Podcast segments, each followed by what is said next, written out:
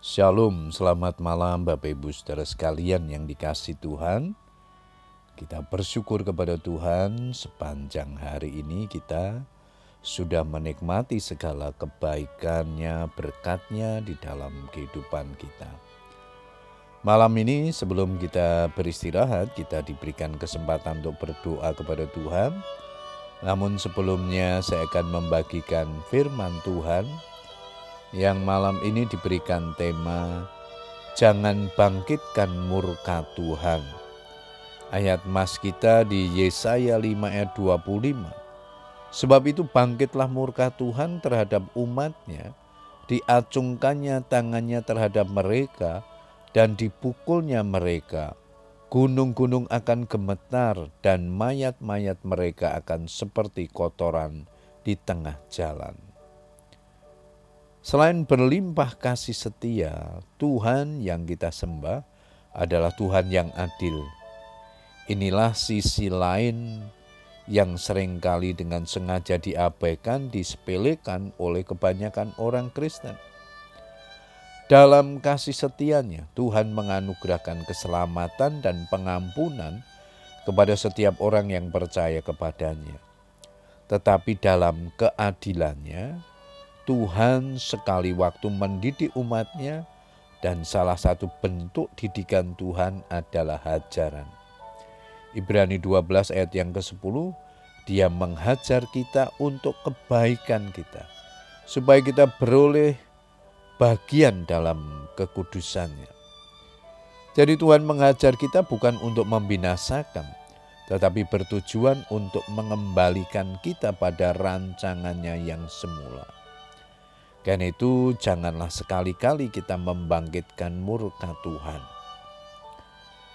Kata murka berarti marah besar atau kemarahan yang meluap-luap.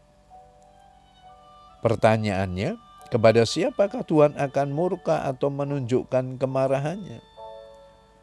Tuhan murka kepada orang yang murtad atau yang meninggalkan Dia yaitu mereka yang pernah diterangi hatinya, yang pernah mengecap karunia surgawi, dan yang pernah mendapat bagian dalam Roh Kudus, dan yang mengecap firman yang baik dari Allah, dan karunia-karunia dunia yang akan datang. Namun, yang murtad lagi tidak mungkin dibaharui sekali lagi sedemikian hingga mereka bertobat sebab mereka menyalibkan lagi anak Allah bagi diri mereka dan menghinanya di muka umum. Ibrani 6 ayat 4 sampai 6. Kata murtad dalam bahasa Yunani dipakai kata apostasia yang berarti memisahkan diri. Orang yang murtad itu sama artinya ia telah menyalibkan lagi Kristus dan telah melakukan penyangkalan iman kepada Kristus. Ada banyak orang percaya yang rela menyangkal imannya terhadap Kristus karena tergiur oleh iming-iming duniawi. Apakah itu harta kekayaan, popularitas, dan segala kemewahan duniawi? Padahal apa yang ada di dalam dunia ini sifatnya hanyalah sementara. Alkitab memperingatkan, sebab itu janganlah kamu melepaskan kepercayaanmu karena besar upah yang menantinya Ibrani 10 ayat 35. Sekali kita membuat komitmen untuk mengikut Kristus, maka kita harus memegang komitmen tersebut sampai akhir hidup kita.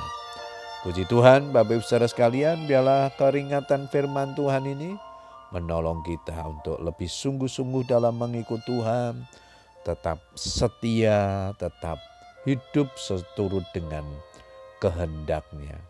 Selamat berdoa dengan keluarga kita. Tetap semangat berdoa. Tuhan Yesus memberkati kita semua. Amin.